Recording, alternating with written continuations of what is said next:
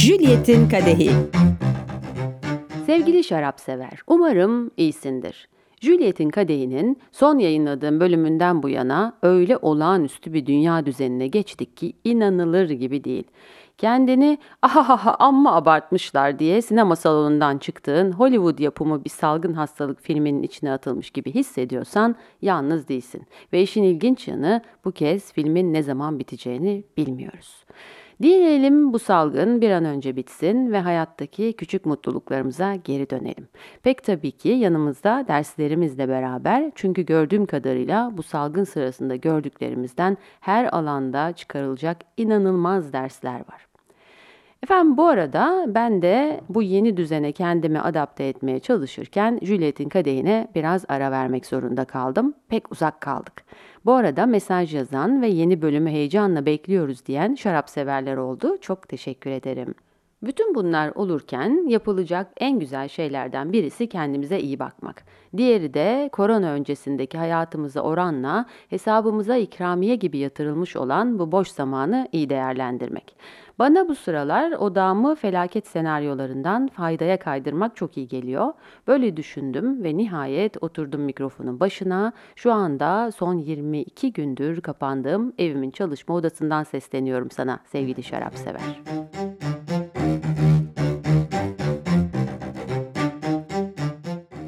Önceki bölümü bitirirken bu bölümde gideceğimiz yeri azıcık çıtlatmış ve Şubat'ta Londra'daki Avusturya Şarap Fuarı'ndaydım demiştim hatırlarsan. Avusturya Şarap Fuarı bu sene gittiğim fuarlar arasında en güzel organize olmuş, büyüklüğü, organizasyonu, katılımcı seçimi anlamında en iyilerinden birisiydi. Avusturya terroirinin çok güzel örneklerini tatma fırsatım oldu. Salonda ayrı bir yere kurdukları fine wine tadım masasına da ayrıca bayıldım. İşte Windsor Sax'ın sahipleri olan sempatik ikiz kardeşler Mihail ve Rudolf Sax'la da bu fuarda tanıştık ve bana fuarda içtiğim en güzel Riesling'i tattırdılar. Çok beğendiğimi görünce de bizim henüz İngiltere'de satışımız yok deyip o güzel şaraptan bana bir şişe hediye ettiler. Pek özel bir durum zira bu Juliet'in kadehi için bir ilk. Efendim dolayısıyla bugün kadehimde Wenzerhof Sax'ın Ried Loiseberg Riesling Kamptal Reserve 2018'i var. Kocaman gülümsemeleri ve sımsıcak tavırlarıyla kalbimi kazanan bu zarif ikizler 1660 yılına uzanan aile hikayeleriyle bu bölümün konuğu oldular. Biraz Avusturya, biraz Winzerhof Sachs, biraz da Riesling konuşacağımız bu bölüm için hazırsan al kadehini eline, güzel müzikler ve valsler diyarına gezmeye gidelim seninle. Eğer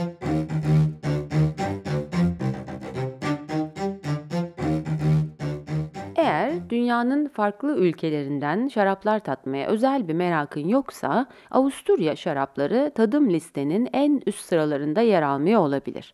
Ama ama ama diyelim burada Avusturya şaraplarını kesinlikle tatmak gerek.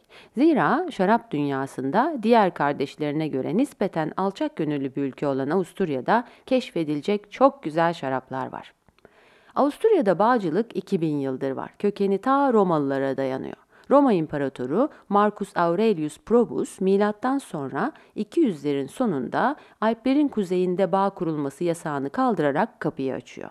Ama tarihsel olarak vergiler, yasaklamalar, imtiyazlar vesaire derken Avusturya topraklarında bağcılığın biraz inişli çıkışlı bir öyküsü oluyor. Birinci Dünya Savaşı sonrası ise Avusturya dünyanın üçüncü büyük şarap üreticisi durumunda. Ama iki Dünya Savaşı arasındaki dönemde Avusturya'nın şaraplarının büyük kısmı toptan olarak Almanya'ya ve başka ülkelere gidiyor. Pek de muteber bulunmuyor bu şaraplar. Bu toptan satışlarda sektörde yaşanan bir skandal sonrası 1990'larda akıllarını başlarına toplayıp kalite standartları getirerek büyük çabalarla reputasyonu toparlıyorlar. Daha önceki bölümlerde söylemiştim, şarap kuşağı her iki yarım kürede 30 ve 50. enlemler arasında yer alıyor. Gel gör ki özellikle son 15 yılda hızlanan küresel ısınma şarapçılığa çok ciddi etkiler yapmaya başladı bile ve bu artarak devam edecek gibi görünüyor. Başta Bordo olmak üzere bazı bölgeler çok endişeli. Bir tartışmadır sürüp gidiyor. Mesela küresel ısınmanın sonucu olarak Bordo'da önümüzdeki 20-30 yıl içinde klasik blendlerde ciddi farklılıklara gitmek durumunda kalınacağı konuşuluyor. Bazıları da tırnak içinde diyelim burada bu küresel ısınma meselesinden karlı çıkabiliyor. Mesela şarap konusunda daha önce esamesi okunmayan İngiltere, güney bölgelerinden hiç de fena olmayan beyazlar ve köpüklü şaraplar çıkarmaya başladı. Küresel ısınmayı şimdilik şuraya bir yere park edeyim de konumuza devam edelim. Pek çoğumuzun aklına Avusturya deyince kayak tatili veya müzik dolu bir seyahat gelse de Avusturya aynı zamanda müthiş bağları ile de görülmeye değer bir ülke. 46 bin hektar toplam bağ alanı var.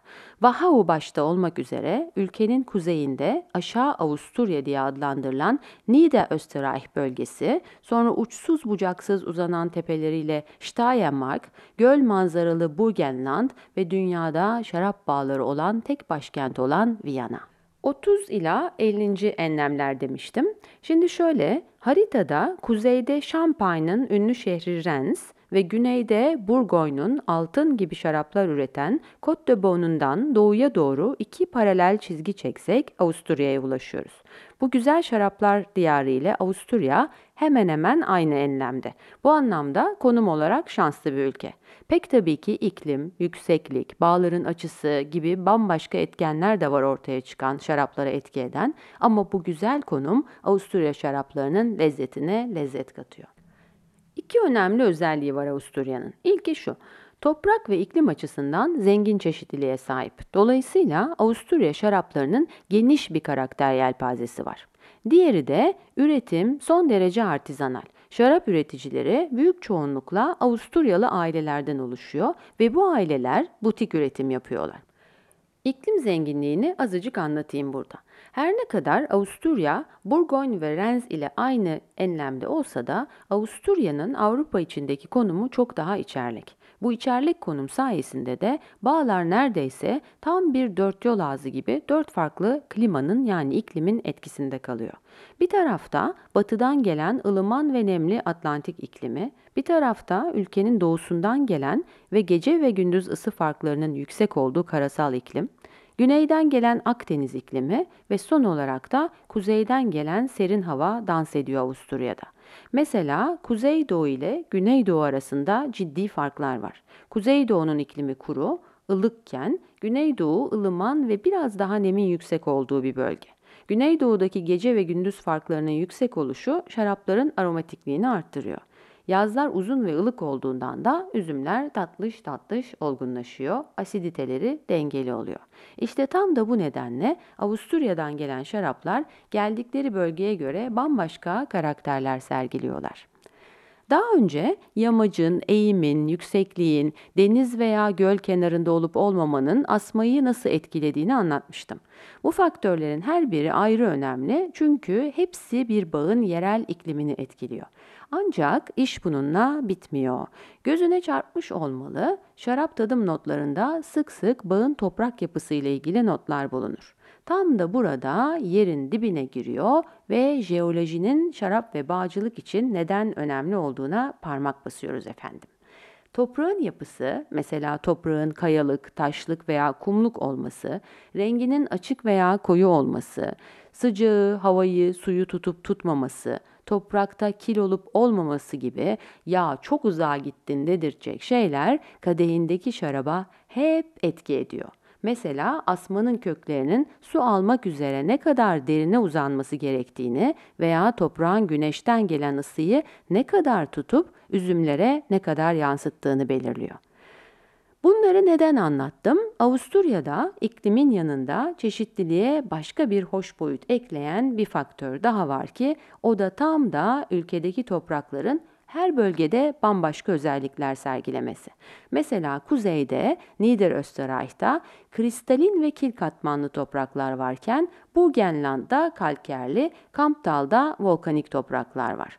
Fuarda farklı standlarda tattığım şaraplarda bunu birinci elden deneyimledim ve orada konuştuğum birçok üretici şaraplarından söz ederken en başta bağlarındaki toprakların özelliklerini anlattı bana.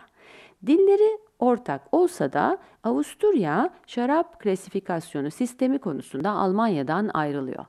Mosel'i anlattığım 5. bölümden hatırlarsın. Almanya'da şaraplar şeker seviyesine ve kaliteye göre klasifiye ediliyordu. Avusturya'da ise 3 farklı klasifikasyon kullanılıyor. Birisi Alman sistemine benzeyen bir sistem. İkincisi Wachau bölgesine özel bir klasifikasyon adı Vinea Wachau Nobilis Districtus. Üçüncüsü de 2002 yılından bu yana kullandıkları bir apelasyon sistemi. Apelasyon bölgelerine Districtus Austriae Controllatus diye afili bir isim koymuşlar. Kısaca DAC deniyor ve Fransa veya İtalya'da kullanılana benzenen bir kalifikasyon sistemi. Şu anda Avusturya'da 14 DAC bölgesi var ve bu DAC'lerden gelen şaraplarda terroir farkını çok açık görmek mümkün. Bu kadar eski bir şarap bölgesi olmasına rağmen pek çok Avusturyalı şarap üreticisi modern yöntemlere daha yakın hissediyor kendini. Bir de kalite konusunda süper hassaslar. Zaten son yıllarda kör tadımlarda veya profesyonel yarışmalarda en öne çıkan özellikleri de şaraplarının yüksek kalitesi. Londra'daki fuarda pek çok genç kuşak şarap üreticisiyle tanıştım. Hepsinin de dört ortak özellikleri dikkatimi çekti.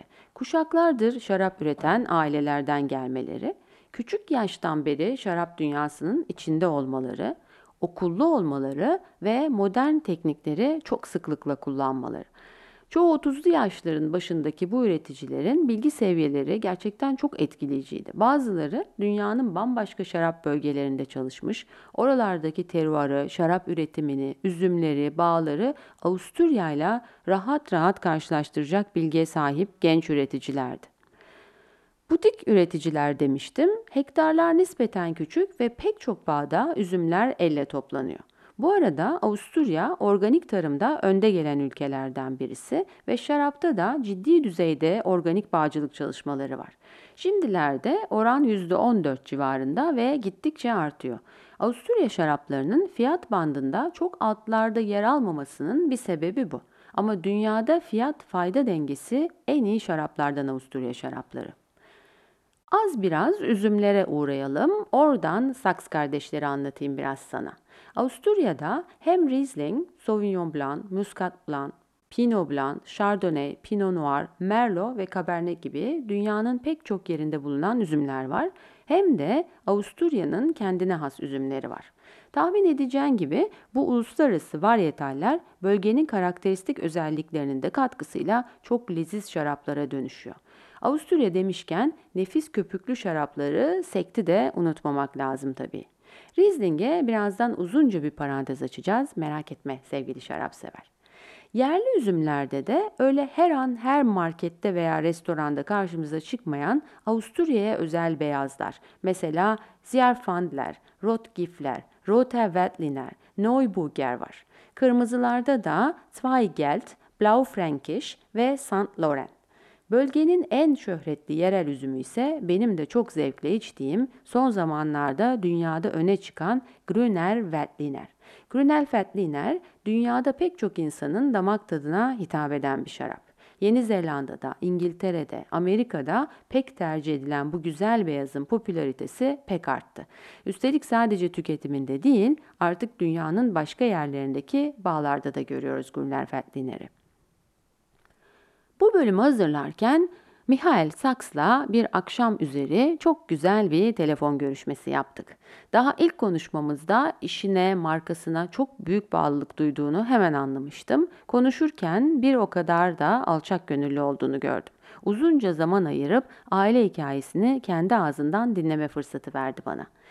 Saks Avusturya için biraz sıra dışı bir soyadı. Ailenin köklerinin İtalya'dan geldiğini söyledi Mihail. 1580'de Avusturya'ya gelmişler ve 1660'tan bu yana da yani kuşaklardır Avusturya'da şarap üretiyorlar. Zaten Winterhof Saks şişelerinin üzerindeki o pek dekoratif 1660 da gözden kaçacak gibi değil. Her şişenin boynunda anlı şanlı duruyor. O zamanlar Avusturya'da bağ evleri ve şaraphaneler çiftliklerin içinde yer alıyor. Birçok çiftlikte bir buçuk hektarlık bağlar var. Aileler hem çiftçilik hem de bağcılık yapıyorlar. Wenzelhof Saks'ın bulunduğu kasaba Langenlois. Kampdal'da şirin bir kasaba. Kampdal adını duymamış olabilirsin. Avusturya'nın kuzeyinde ülkenin 14 DAC'sinden birisi ve aynı zamanda neredeyse 4000 hektara uzanan bağ alanıyla Avusturya'nın en başarılı, en kaliteli şarapları üreten bağ bölgesi. Adını içinden geçen Kamp Rehri'nden alıyor. Kamptal'ın şarap açısından en başarılı yerlerden birisi olması boşuna değil. İklimi ve toprağıyla özel bir yer. Lösten gravele, kristaline kadar çeşit çeşit toprak var Kamptal'da. Kamptal'ın güneye bakan dik yamaçlarında dizi dizi Riesling bağları var. Riesling, Avusturya'ya Almanya Ren'den gelmiş ve Grüner Veltliner'le birlikte şu anda Avusturya'nın en önde giden beyaz şarap üzümü. Riesling geç olgunlaştığı için başta Kamptal olmak üzere Avusturya'nın birçok yerinde güzel yetişiyor ve çok rağbet görüyor. Özellikle 1999-2005 yılları arasında Riesling volümü Avusturya'da müthiş artış göstermiş ve buradan gelen Rieslingler ciddi de bir yıllanma potansiyeline sahip. Kamptal'ın güneyine Tuna Nehri'ne doğru gidersek bu kez toprak değişiyor ve yerini geniş katmanlara ve verimli topraklara bırakıyor. Burada da gövdeli güzel şaraplar üreten şahane Grünel Veltliner bağları karşımıza çıkmaya başlıyor. Bir de unutmadan kırmızı ve beyaz şaraplar üretilen Pinot var. Kamptal'ın 6 kasabasından birisi olan Langenlois ise Avusturya'nın en bilinen bağ ve şarap üretim bölgelerinden. 2000 hektardan fazla bağ alanıyla kabaca Kamptal'ın yarısı burada diyebiliriz. Tam bir şarap kasabası hatta öyle ki kasabada yaşayanların büyük büyük çoğunluğu şarapla ilgili bir işte çalışıyor. Langenlois gündüz saatlerce güneş alıyor ama geceler serin geçiyor. Şaraplar meyve meyve tabii böyle olunca. Ferah bir asidite seviyesiyle hem de. Ben şimdi Saks ailesine geri döneyim. Yüzyıllar boyu Langenlois yakınlarındaki Langenfeld'de olan Saks ailesi yavaş yavaş çiftliklerini de bağı da Avusturya'nın en büyük bağ alanı olan Langenlois'e taşıyor. Saksların şaraphanesi 1950'lerin ortalarından bu yana bu şarap beldesinin tam merkezinde yer alıyor. Mihail bana dedi ki biz bağda doğduk, şarabın içinde büyüdük, kanımızda şarap var. İkiz kardeşi Rudolf ondan 7 dakika daha büyük.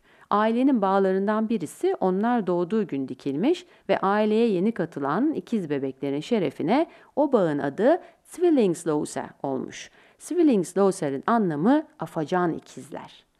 Efendim işte bu afacan ikizler büyüyor ve 2008'de daha 18 yaşındalarken bayrağı devralma sırası artık onlara geliyor.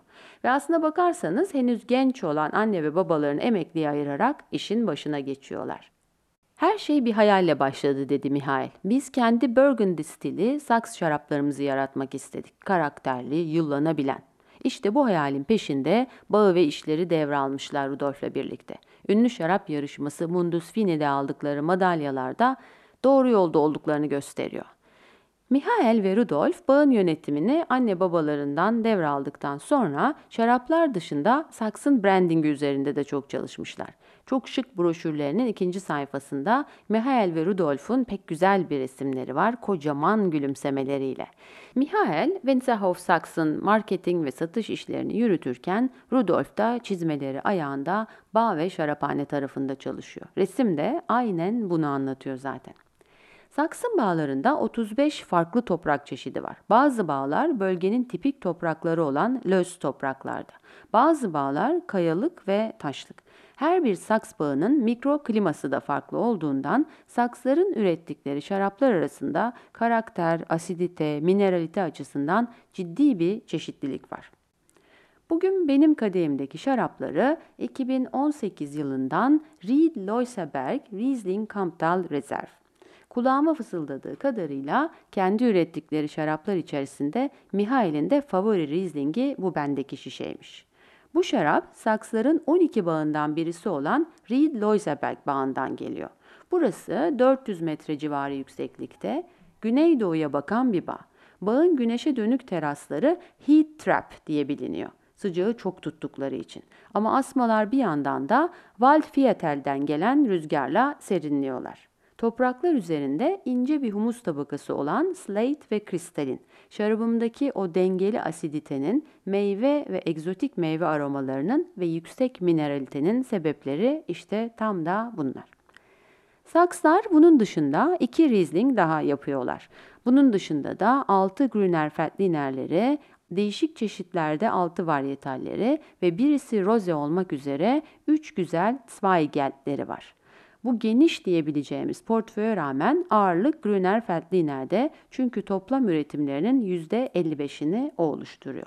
Riesling de aşağı yukarı %15'te seyrediyor. Yılda 300 bin şişe şarap üretiyorlar. Biraz da organik şarapçılık konuştuk Mihail'le. Dünya genelinde organik şaraba talep çok arttı. Biz de bazı organik pratikleri uyguluyoruz dedi. Ama sertifikalanmaya gelince biraz daha temkinliler. Mihail ve Rudolf'un bu konudaki en büyük çekinceleri değişken iklim koşullarının olduğu bir bölgede olmaları ve organik sertifikalanmanın gerektirdiği o çok sıkı kuralların kendileri için risk yaratma olasılığı. Dedim ya bölge Avusturya'nın bağcılık açısından göz bebeği diye. Bu bir yandan çok iyi ama bir yandan ciddi bir rekabet getiriyor üreticilere. Sadece Langenlois'te 120 şarap üreticisi var ve hepsi Grüner Veltliner yapıyor. Fakat yeni kuşağın benimsediği ve eskilerde olmayan ilginç bir şey var. Bütün bu rekabete rağmen kırıcı rekabetten ziyade birlikte kafa kafaya verip ne yapacaklarını konuşuyorlar ve fikir alışverişinde bulunuyorlar. Birbirlerinin şaraplarını tadıyorlar. Bunu gerçekten şahane buldum. Bugün Juliet'in kadehindeki bu güzel beyaz Ried Loiseberg Riesling Kamptal Reserve 2018. Riesling için beyaz şarapların kralı derler. Kırmızıda ise çoğu kişi için tahta Barolo oturur. Benim için de Riesling beyazlar arasında neredeyse en üst sıradadır. Özellikle kendi keyfim için içiyorsam ilk tercihim olur çoğu zaman. Bunun nedeni Riesling'in gençken büyüleyici bir meyve profili sergilemesi, çok kendine özgü olması, yıllanınca da daha da keyifli, kompleks şaraplar haline gelmesi. Beşinci bölümde Mosel'i anlatırken kadehimde yine bir Riesling vardı ve o bölümde Riesling'i uzun uzun anlatmıştım. Henüz dinlemediysen Dizel mi Hadi Canım bölümüne bir göz at derim. Saksların Rieslinglerinin ise Alman Rieslinglerinden çok farklı bir karakteri var. Renk olarak berrak, nefis bir açık altın sarısı şarap duruyor kadehimde. Işıl ışıl bir berraklığı var. Çok hafif yeşilimtırak tonlar da içeriyor. Şöyle kadehte bir çevirip koklayınca burnuma ilk gelen güzel mi güzel bir bal kokusu, ardından hanımeli ve muz. Dipten dipten şeftali ve kayısı da geliyor. 2018 olmasına rağmen çok az bir dizel kokusu da var. İlk yudumu çok enteresan zira benim en çok dikkatimi çeken güçlü asiditesi ve mineralitesi oldu ki bunu Mihail de söylemişti. Mineralite azıcık da fümemsi bir tat bırakıyor damakta. Dedim ya başka bir teruardan geldiği çok belli olan değişik bir Riesling sakslarınki. Damakta da az önce burnuma gelen tropik meyveler hanımeli var. Gövdeli ve %13,5 alkol seviyesiyle yüksek alkollü bir şarap. Zamanı gelmişken hep yaptığım gibi kadehten tabağa geçivereyim hemen. Neyle gider elindeki şarap Juliet dediğini duyar gibiyim zira. Avusturya şarapları birçok mutfağa güzel uyum sağlayan şaraplar. Özellikle de Avusturya beyazları Asya mutfağının müthiş güzel eşlikçisi olabiliyorlar. Etnik mutfak, füzyon vesaire dendiğinde de özellikle beyazlarla çok hoş birliktelikler çıkıyor ortaya. Örneğin Grünel Veltliner Çin yemekleriyle ve Asya mutfağıyla en iyi eşleşen şarap olarak nam saldı son zamanlarda. Fuarda da özel bir Asya mutfağı Avusturya eşleşmesi vardı ve çok başarılı buldum. Pek tabii ki artık sana söylememe gerek yok. Avusturya mutfağında ne pişiyorsa onunla harika gidiyor hepsi. Bugün benim kadehimdeki Riesling bence tam bir balık eşlikçisi. Özellikle yağlı balıklarla nefis olacaktır. Deniz mahsulü bir makarna veya çıtır bir salatayla da keyfini çıkarabilirsin. Asya, Tay, hatta hatta Tex-Mex'le çok güzel bir birliktelikleri olacağına kuşkum yok. Saklayayım mı Juliet dersen 2024'e kadar güzelleşmeye devam eder derim. Bir tanesini şimdi, bir tanesini 2024'te açıp neler yapmış o arada bir bakmak gerek. Mihail'e bu yaz bağlarına uğrayacağıma söz vererek kapattım telefonu. Umarım bu güzel şarabı Rudolf ve Mihail'le yazın karşılıklı yeniden içebiliriz. Burası bir advertoryal değil, yanlış anlaşılmasın ama saksın şaraplarını her yerde bulmak kolay olmadığı için oldu da merak edersen diye seninle nerede bulacağını paylaşmak isterim. Instagram'da Mihail Saks veya Saks Winery olarak varlar. Langenlois'te ise hem bağdan satışları var hem de tasting yaptırıyorlar. Bugün Juliet'in kadehinde Wenze Hofsaks'ın Ried Loisaberg Riesling Kamptal Reserve 2018'i vardı. Bağından yamacına, üzümünden bağcısına bu nefis şarabı konuştuk. Beni nerede dinledin bilmiyorum ama öykümüz umarım hoşuna gitmiştir. Damağından ve hayatından nefis tatlar eksik olmasın. Bir sonraki bölümde buluşmak üzere. Sağ olun. Şerefle.